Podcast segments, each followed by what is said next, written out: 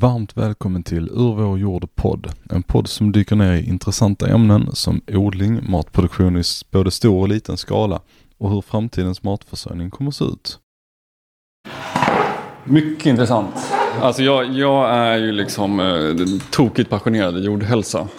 Ja, ja vad kul. Alltså allting som har med jordhälsa att göra. Eh, jag hade ju liksom, en våt dröm hade fått vara att ha egna djur.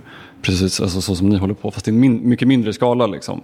Eh, och försöka integrera det med grönsaksodling på rätt sätt. Det blir svårt, för att jag vet med liksom, hönsen kan inte gå och sprätta och bajsa och picka hur, hur som helst. Liksom. Eh, men, men det är ju liksom, jag förstår, det borde alla fatta väl, att eh, om man ska ha ett system som är regenerativt så måste du få in energi från djur. Liksom. Eh, du kan ha vallar, du kan ha allting det också, men du måste få, för att få det ultimat så måste du i princip bygga jordhälsa med, med djur. Och då, precis som ni håller på med, olika typer av djur. Ja, alltså min egen resa, eh, jag har ju varit vegetarian under eh, de senaste 15 åren och eh, vegan eh, ett antal år också. Och, men när jag kom in i det här och började verkligen titta på, det är ganska svårt att bygga ett hållbart jordbrukssystem som är helt växtbaserat, då kommer det bli ett syntetiskt system där man, det kommer krävas mycket kemi, eh, mycket insatsmedel och så vidare. Ehm. Just det, men du, du, kan ju till exempel du kan ha ett veganskt system i form av att tillsätta soja, lucern, mik mikroorganismer, Alltså det, det, det, finns ganska många nya sådana tekniker för att bygga jordhälsa. Men det jag menar på att det absolut mest effektiva och det bästa för växter till slut. För då får du in sådana saker som ammonium och ammoniak och liksom sådana grejer som faktiskt är bra för, för jordhälsa. Eh, och, och eh, som ni har med att det kommer ett betande djur och sen kommer fluglarver och bajsare där.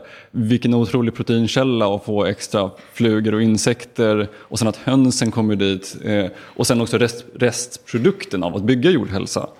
Eh, alltså som då både blir kött, möjligtvis någon form av skinn eller någonting också på, om det är några kor, eh, ull eh, och eh, ägg. Liksom.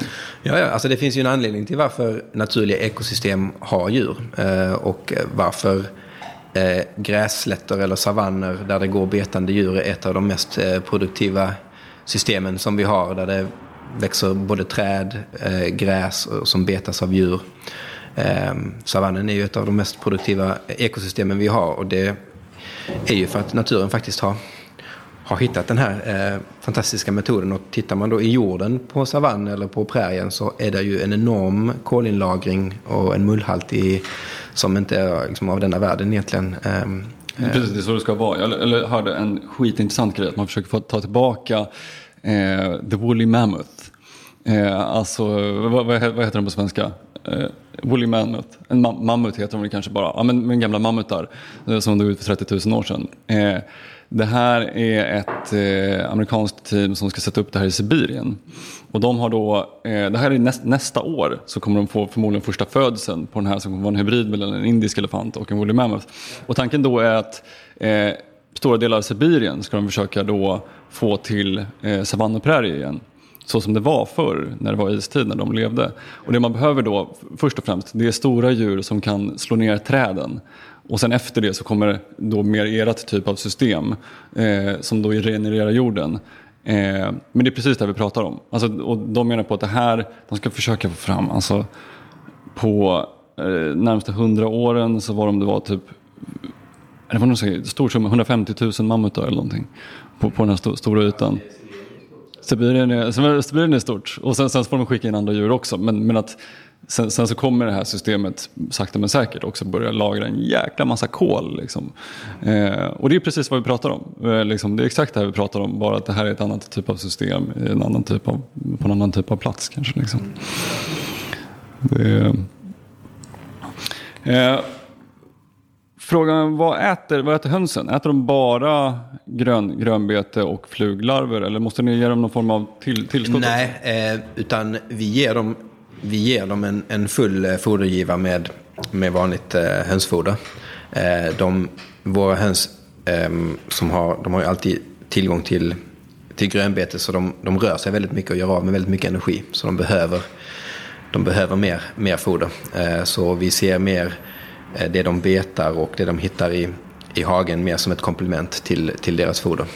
Eh, nu börjar vi ju titta lite på kan vi minska den fodergivaren något för att, för att ja, optimera systemet. Men eh, man vill ju heller inte ge dem för lite så att de eh, kanske blir, äggen blir eller skalen kan bli eh, eh, svaga och, och liksom de får alla andra brister och sånt där. Så att, eh, än så länge så ger vi dem en full eh, fodergivning. Jag kan tänka mig också att ägg, själva äggproduktionen, ifall de inte får i sig tillräckligt med näring egentligen, att de inte får tillräckligt med energi, att de kanske inte lägger lika många ägg. Ja, absolut. Eh. Alltså det finns ju system, eh, alltså producenter i USA som inte ger dem några foder. Eh, men då kanske de producerar ju mindre ägg då. Eh, men då kanske man tänker sig att det är, det är ändå värt det om man har en liten gård och mer för liksom eget, eget bruk. Men eh, eh, vi har ju kunder då som vi vill ju kunna planera vår produktion och, eh, och, och producera lika mycket ägg varje vecka och så vidare. Så, att, eh, så då kan ni också på något sätt säkerställa alltså att ni har en produkt som förmodligen har ett betydligt mycket högre näringsinnehåll. Att de får i sig den basala maten och sen allt annat utöver det som ett eh, kosttillskott utan dess like. Liksom. Eh. Alltså det, är, det är därför det är så roligt att jobba med, med grönbetesägg för att eh, vi har ju inte eh, haft råd att, att faktiskt ta näringsprover på äggen eh, än, än så länge. Det andra har gjort det och det, och det, det visar ju att, att det är högre näringsinnehåll. Men med ägg, man kan se det så tydligt för våra äggulor är ju liksom knallgula. Eh, och tar man då ett, två kokta ägg, ett vanligt ägg och också våra ägg så, så är det liksom...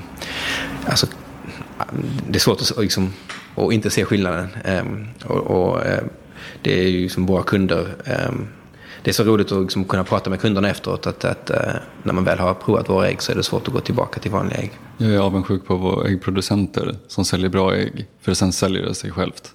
Alltså, om man väl, för den skillnaden är så jäkla extrem. Alltså, jämför med om du går och köper även ett ekologiskt ägg eller vad det nu är för någonting. Liksom, på, på ICA som är eh, in, utomhusgående och allt vad det är för någonting. Det, alltså, kvalitetsskillnaden är så sjukt stor. Och anledningen till att jag blir avundsjuk är för att liksom, du märker inte alls den skillnaden på grönsaker på samma sätt. Nej, alltså det är svårare. Eh, sen ska jag ju inte säga att, att eh, det säljer sig själv är, man måste ändå ha ganska mycket respekt för, eh, för försäljningen. Att, eh, man måste hitta effektiva kanaler och eh, verkligen komma ut till, till kunderna och så måste det vara ganska bekvämt.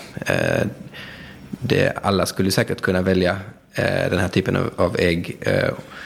Men är det lite svårare än att gå till ICA och handla? Alltså man har ju ofta, och det så är man själv också, att man, man har ett hektiskt liv och, och man vill göra det så enkelt som möjligt. Så att, eh, vi tänker ju väldigt mycket på hur vi kan vi tänker mer, mindre och mindre på produktionen och mer och mer på hur vi ska kunna göra det så bekvämt som möjligt för kunden. Just för att det ska, bli, det ska kunna gå att, att sälja och skala upp. Ja, men det, det har rätt alltså det, jag, jag jämför med andra producenter på Rekoring och där, där vet jag, för där är det redan folk som kommer dit så de har redan kommit in på den liksom, försäljningskanalen och då säljer äggen otroligt. Men det, det är just det där, hit, hitta försäljningsplatser. Det är ju tufft och svårt och oftast får man skapa dem själv.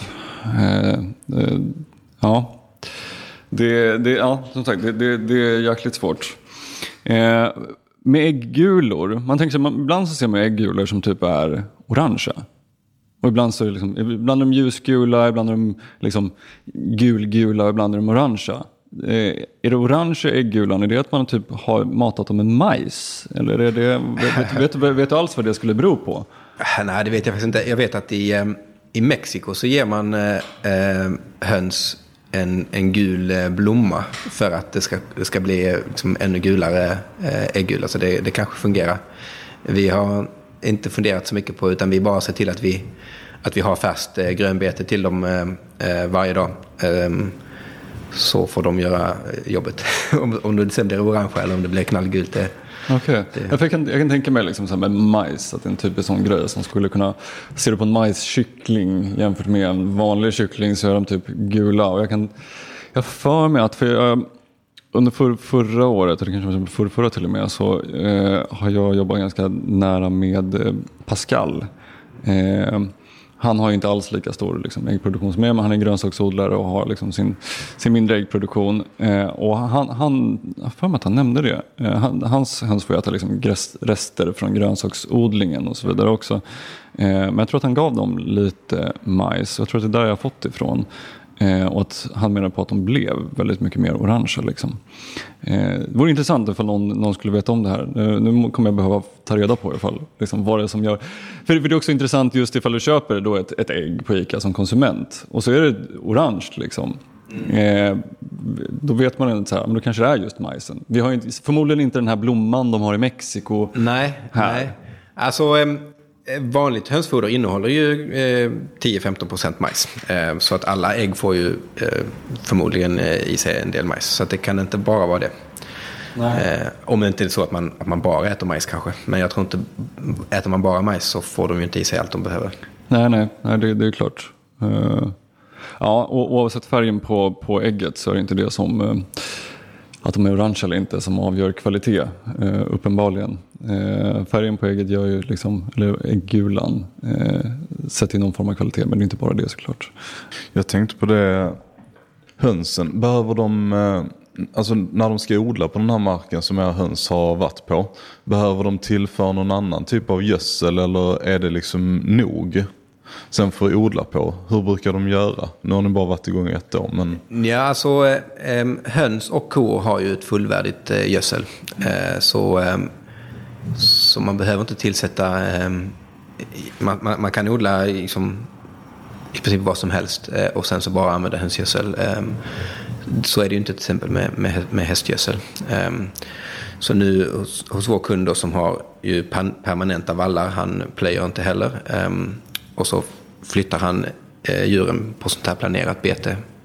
Eh, så då är det ju först kogödseln och sen så kommer hönsgödseln. Så där är det ju, ehm, där blir ju väldigt eh, liksom, diverst när man, när man, med, med tanke på, på näring. Ehm, sen är det ju inte så att man kan ha, har man kor och höns år efter år på samma mark med bara en permanent vall så, så ehm, så kommer man ju bygga upp, eh, alltså kanske skapa för mycket näringsämnen. Så att det gäller ju hela tiden att ha, det är därför också vi, vi har en modell med mobila eh, hönshus och liksom eh, mycket av, av skillnaden som, som, som eh, i tankesättet mellan ett vanligt produktionssystem och vårt produktionssystem är ju just det att, att det är mobilt. Eh, en vanlig hönsuppfödare kanske börjar med eh, ja men eh, här ska jag producera, så bygger man en lada och så har man hönsen där. Och sen så kanske man sen vill certifiera sig ekologiskt, då eh, gör man en hage utanför och så kan man öppna ut där. Men då är du på det stället. Ehm, och eh, även om hönsen har utevistelse så skapar de ju inget mervärde för, för marken utan snarare tvärtom. Att den marken i den stationära hagen där ute den blir ju extremt mättad och, och där växer ju ingenting utan man får snarare ett, ett, ett, Eh, ett problem med, med avfall eh, när det blir för koncentrerat. Ehm, så vi försöker ju precis som naturen hitta eh, naturliga rörelser där vi är, där vi är på, på ny mark både liksom varje dag men även eh, från år till år så att man, eh, man får en balans i, i näringscykeln. Så man kan egentligen säga att det här, alltså för jordbrukarna här så är detta en extremt bra affärsidé. För de betalar ju liksom annars för gödningsmedel och allting sånt. Ja, alltså på, på sikt så eh, är ju, eh, hoppas vi ju att, att vi ska ge så mycket nytta så vi faktiskt kan ta lite betalt eh, för, för vår tjänst. Ehm, men samtidigt så är det ju en ganska försumbar del jämfört med det som vi faktiskt, intäkterna från, som, från det vi säljer. Mm. Men, ehm, men för jord, jordbrukarna är det ju jävligt bra väldigt bra deal att ni, ni kommer in och sköter det här. Så... Ja, alltså framförallt nu eh, med eh, liksom, dagens energikris och så vidare. Tidigare har det ju nästan varit gratis med, med konstgödsel. Så att, eh, då är ju, och det är också det som har skapat den här separationen. Att, eh, det är billigare att köpa konstgödsel än att transportera gödsel från någon grisfarm eller hönsfarm någon, bara liksom någon mil bort. Eh, och det är därför vi liksom har det här, som djurproducenterna har avfallsproblem och sen så får växtodlarna köpa eh, konstgödsel. Men nu tvingas vi ju nästan in i ett, i, i, i ett kretsloppsjordbruk på grund av att det inte är hållbart eller det är eh, sårbart för eh, externa konflikter som vi har nu. Att naturgasen är dyr. då blir konstgödsel dyrt, då blir kraftfodret också dyrt och nu går alla äggproducenter, vanliga äggproducenter och höns, eh, eller grisproducenter i konkurs för att det de får per ägg är ungefär vad det kostar att utfodra hönsen så att de går i back på varje, varje ägg de producerar. Eh, så, så den här modellen, den industriella modellen, är ju jättebra och lönsam så länge vi har billig fossil energi och eh, våra jordar fortfarande har så mycket mullhalt kvar så att de kan fortsätta producera. Så nu kanske vi ser den första delen av den här krisen med energin. Nu är energin dyr så vi måste hitta kretslopp. Men nästa kris blir ju kanske då när mullhalten är så låg så att vi inte, det hjälper inte att tillsätta massa konstgödsel för att vi har inte tillräckligt med mullhalt för att, för att hålla kvar den näringen och, och producera. Och då, då är vi ju då står vi ju inför samma problem som eh, tidigare civilisationer som har kollapsat. Och, och, Eller USA, Midwest, Big Dust Bowl. Absolut, jo men precis. Ehm. Det är ändå ganska, vi, vi pratar bara liksom 60-70 år så det är, inte, det är inte jättelångt bort. Liksom. Det, det, det har hänt och det, det, det, kommer, det kommer ju att hända ifall vi fortsätter som, som vi gör. Och där, därav så ser jag att det, det är en väldigt bra tjänst som, som ni eh, liksom förser till de här jordbrukarna. Sen man har ju hoppats på att det här var ännu större. Alltså att, var att i princip överallt. Så att man, folk skulle börja tänka, tänka på sådana här saker med, åtminstone regenerativt. För att förr eller senare så kan vi inte använda konstgödsel. Eh, för konstgödsel också, dels att det är salter men också liksom mycket nitrater. Och när du slänger på mycket nitrater då bränner du otroligt mycket kol. Och kol i form av humus. Det är en av de absolut största grejerna utöver att plöja jorden. är just att vi tillsätter så jäkla mycket kväve i, i jordarna. Liksom. Eh, har man ett sådant system som ni har, då börjar vi helt plötsligt lagra det i jordarna. Ja, och det som är intressant också är att när du tillsätter du konstgödsel, eh, då istället, alltså i, i en naturlig jord så har du ju bakterier och svampar. Och vad de gör är att de förser ju växterna med näringsämnen. Och i utbyte eh, för det så får de eh, socker av, av eh, växterna. Och det där sockret eh, är ju det som sen blir ehm, stabilt kol och mullhalt i jorden. Så du har ju en symbios som gör att du, du bygger hälsosamma jordar. Tillsätter du konstgödsel då säger växterna Nej, men eh, nu behöver inte jag, jag kan ju ta upp näringen själv. Så då slutar de att och, och ge socker ut i, i, i backen. Så då stäng, slutar man eh, lagra kol och samtidigt så svälter då alla eh, bakterier och svampar. Så då får man en steril, eh, en, en steril jord. Så, så och det börjar man ju inse nu även inom liksom akademin att ehm, ehm, det, det är ohållbart eh, även om vi har full liksom, tillgång till, till hur mycket konstgödsel som helst. Så är det. Ja, det, det, det är både ovan och under, under jord som spelar all roll i världen. Liksom. Och det, det vet jag, hela, hela den trenden med att tillsätta olika mikrober eh, har blivit mycket, mycket större. Det finns mycket, mycket i Hawaii, mycket i eh, Japan, mycket i Korea, alltså KNF, Korean Natural Farming. Eh, men sen har ju det kommit och blivit ännu större liksom, med de här EM1 och laktoblensen och eh, biofärm och lite sådana där grejer.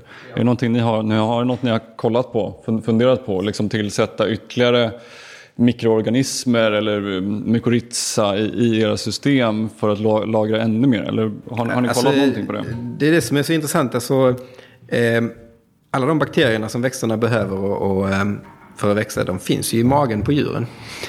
Så genom att in, liksom integrera djur i, eh, i jordbruket så så får vi den här eh, eh produktionen av, av eh, effektiva mikroorganismer som, som sen kommer ner i backen. Och både genom gödslet men även genom saliven och, eh, eh från, från djuren. Så, så eh, eh vi känner att vi, det är klart man skulle kunna säkert tillsätta ytterligare, alltså biologi i marken, det är ju, jordhälsan utgår ju från biologin istället för kemin som vi kanske fokuserar lite för mycket inom, inom jordbruket nu. Men, eh, men eh, vårt svar är, är ju att integrera djuren. Alltså, så du, du får ju framförallt för att du har till exempel kor så får du otroligt mycket liksom, eh, bakterier och mikrober från kor. Det är klart du får det från andra saker också. Bara bara att ta höns så har ju de protozoa på sina, sina fötter eh, eller klor. Eh, men sen, sen, sen där finns, det finns ju det att det finns andra bakterier som, som är kanske inte ens överlever i våra jordar. Det, är också en stor, stor diskussion med det här med mikroorganismer. Att det, det som kommer från korna, det kommer etablera sig där, det, det kommer trivas där, det kommer bli de nya inhemska bakterierna. Liksom. Eh, och sen de här nya liksom, fancy microbesen som man kan köpa in är inte ens säkert att de faktiskt kommer att kunna etablera sig i de jordarna. Eh, och framförallt om i ert fall, att ni bara skulle spruta på en ny bakterie så skulle förmodligen då, ifall ni har haft eh, liksom djur som har gått där, så hade de förmodligen blivit helt eh, uppätna eh, av de bakterierna alltså, det, som, som, redan finns. Det vet jag faktiskt inte, men, men vår tanke är lite att um, det har varit lite för mycket ingenjörer i jordbruket. Uh, nu är jag själv ingenjör också. Men att man gillar att flytta på atomer från, från hit och dit. Att man, till exempel när jag eh, studerade på, på högskolan så var det mycket med att man skulle odla majs och sen så skördar man majsen. Sen flyttar man den till en biogasreaktor så producerar man metangas där och sen så kommer det ett jättebra gödsel så kan man flytta det till marken. Ehm, det blir väldigt mycket att man, man ska tillsätta och ta bort saker. Ehm, ehm, man skulle kunna designa ett jordbruk istället där man flyttar så lite atomer som möjligt. Och eh, till exempel att vi inte ens behöver klippa eh, gräset eh, med en maskin för vi har djur som faktiskt går och gör det själva.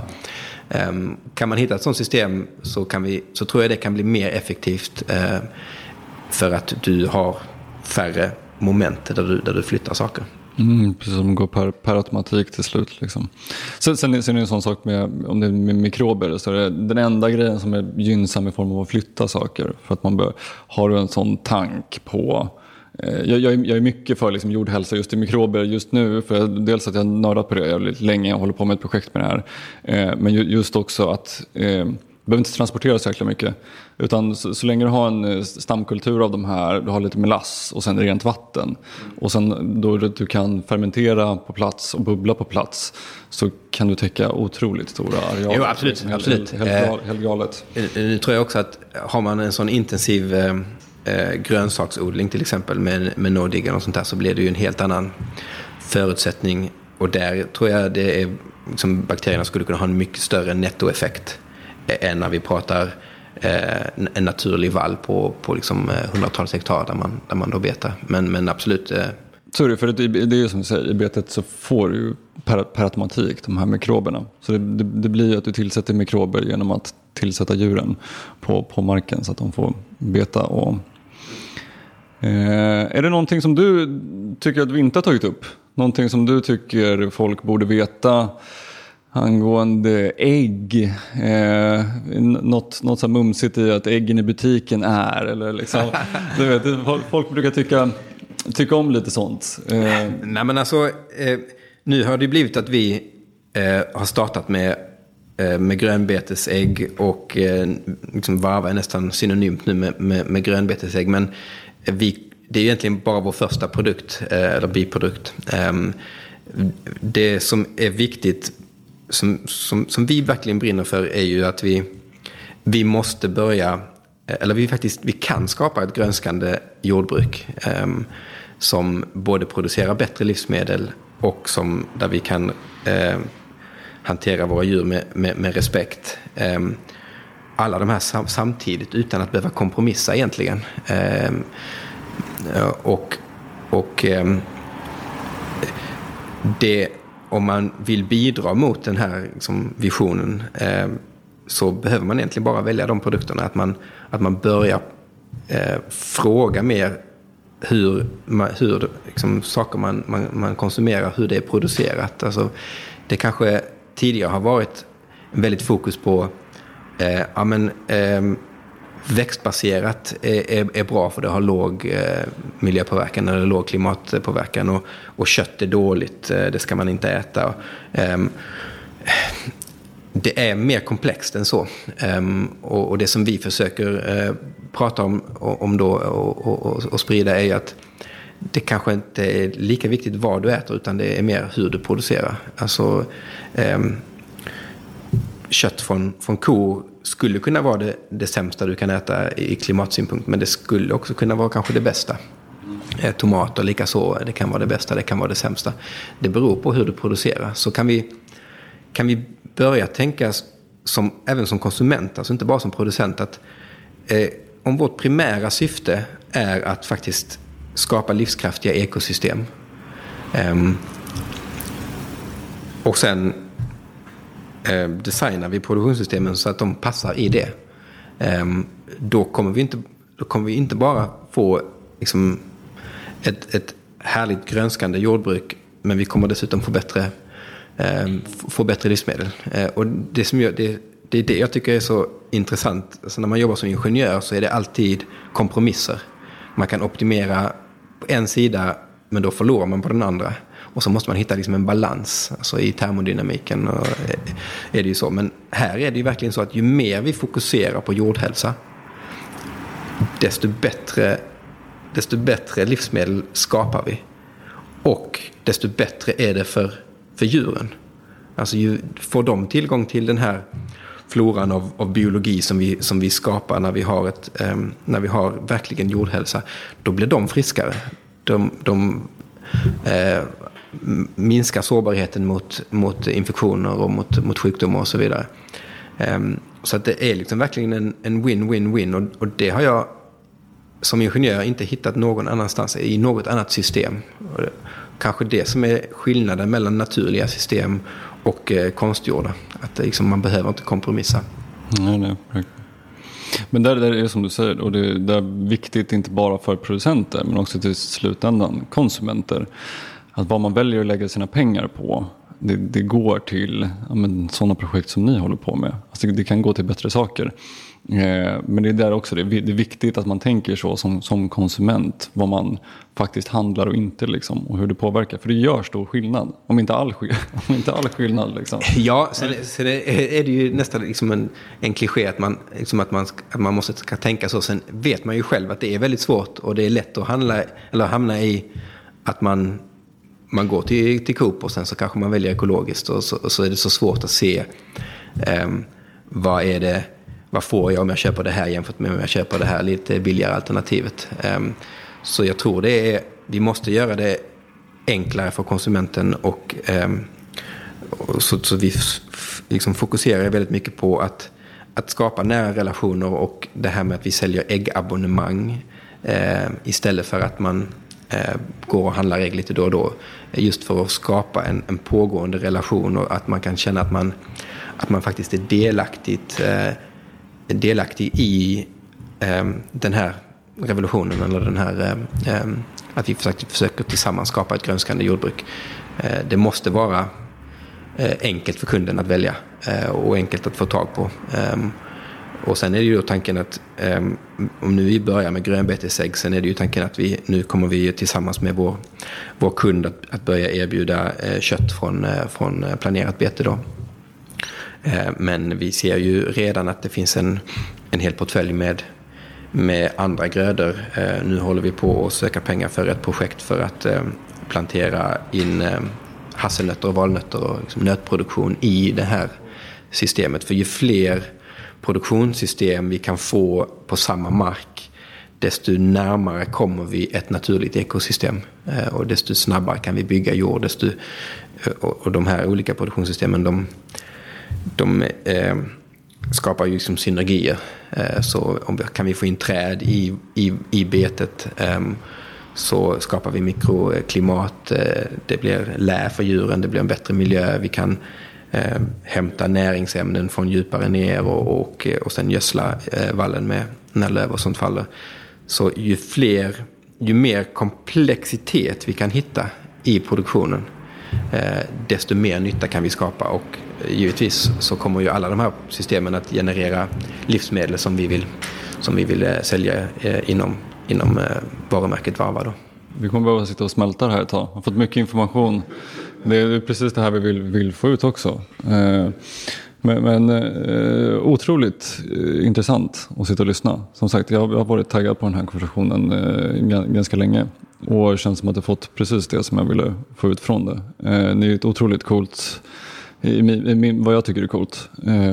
liksom företag och vad ni håller på med. Och liksom det trendigt i form av att det är rätt, rätt i tid. Eh, det här är mer sånt folk borde hålla på med. Liksom, period. Eh, så som ni producerar ägg, sådana borde alltid finnas som ett alternativ även på ICA, Coop och alla stor, stor, stor, storsäljande butiker. Liksom. Eh, och jag tror att ifall folk faktiskt skulle ta och faktiskt bara prova era ägg så tror jag att de skulle förstå skillnaden. Jag, jag, och det, det här säger jag utan att själv ha provat dem. Utan bara, bara från vad jag har hört och att jag har koll på, på ägg i sådana här system, liknande åtminstone. Bara man provar dem så får man ett ganska bra liksom, resultat på vad, vad det är för någonting. Eh. Ja, alltså syftet med Varva är ju eh, vi levererar ju en tjänst till lantbrukare och så, så säljer vi eh, direkt till konsument. Så vi försöker ju inspirera både konsumenten och producenten att vi faktiskt kan skapa ett, ett, ett mer grönskande jordbruk som, eh, som faktiskt skapar livskraftiga ekosystem. Och, och eh, det är ju en eh, fantastisk ynnest att få, att få jobba, med, jobba med det här. och, och um, um, vi ser fram emot en, en härlig säsong nu och, och många nya kunder som konsument, alltså nu när man energikris och sånt här, så är det många som helt plötsligt börjar tänka på liksom, vad man faktiskt producerar lokalt. Och den här typen av produktionsmetoder, det är ju sånt som det påverkas inte på samma sätt liksom av vad som händer i världen. Så det blir ett mycket mer robust system än vad vi har idag. Det är liksom, vi hade kunnat fortsätta producera mat på det här sättet ut, alltså medan världen brinner. Nej, men, eh, I stort sett alltså. Eller att eh, jorden inte brinner om, om vi producerar på så här vis. Men eh, absolut, absolut. Alltså vi, eh, men det, det som krävs är ju ehm, tillgång till marknaden. Alltså vi har ett, ett, ett, ett jordbruk idag där lantbrukaren inte har någon kännedom eller någon, någon kontakt med slutkunden och får en väldigt liten del av det värdet som, som den skapar. Um, Eh, så anledning till att, att vår modell är mindre sårbar. Ehm, vi har ju en högre produktionskostnad än en storskalig äggprodu eh, äggproducent. Eh, men vi får ju en, en, mycket större del av kakan. Eh, kan vi sälja ägg för, för 4 kronor ägget. Ehm, vi har ju också högre kostnader givetvis i, när vi, i att vi måste eh, sälja och distribuera och så vidare. Men jämfört med en en äggproducent som kanske får, jag vet inte, 50 öre, 60 öre eller något sånt där, så är det ju, eller, eller en krona kanske, jag vet inte, eh, så är det ju, går då fodret upp med 50 procent som, som det gjorde i, i fjol, ja då kanske hela deras marginal är bara puts väck. Medan vi har ändå ganska mycket mer marginal att, att, att ta av. Um, så, så det, um, och det är ju någonting som vi har insett att det är produktionssystemen är egentligen bara en liten del av, vi, vi måste ändra på produktionsmetoderna och, och, och, introducera mer regenerativa metoder. Men vi måste också få med oss konsumenten och, och hitta nya kanaler eh, som är mer effektiva. Om ni uppskattar det vi gör här med podden så får ni hemskt gärna berätta det för oss och såklart ställa många frågor. Gå gärna också med i vårt forum och följ oss på sociala medier. Tack för att du lyssnade så hörs vi nästa gång.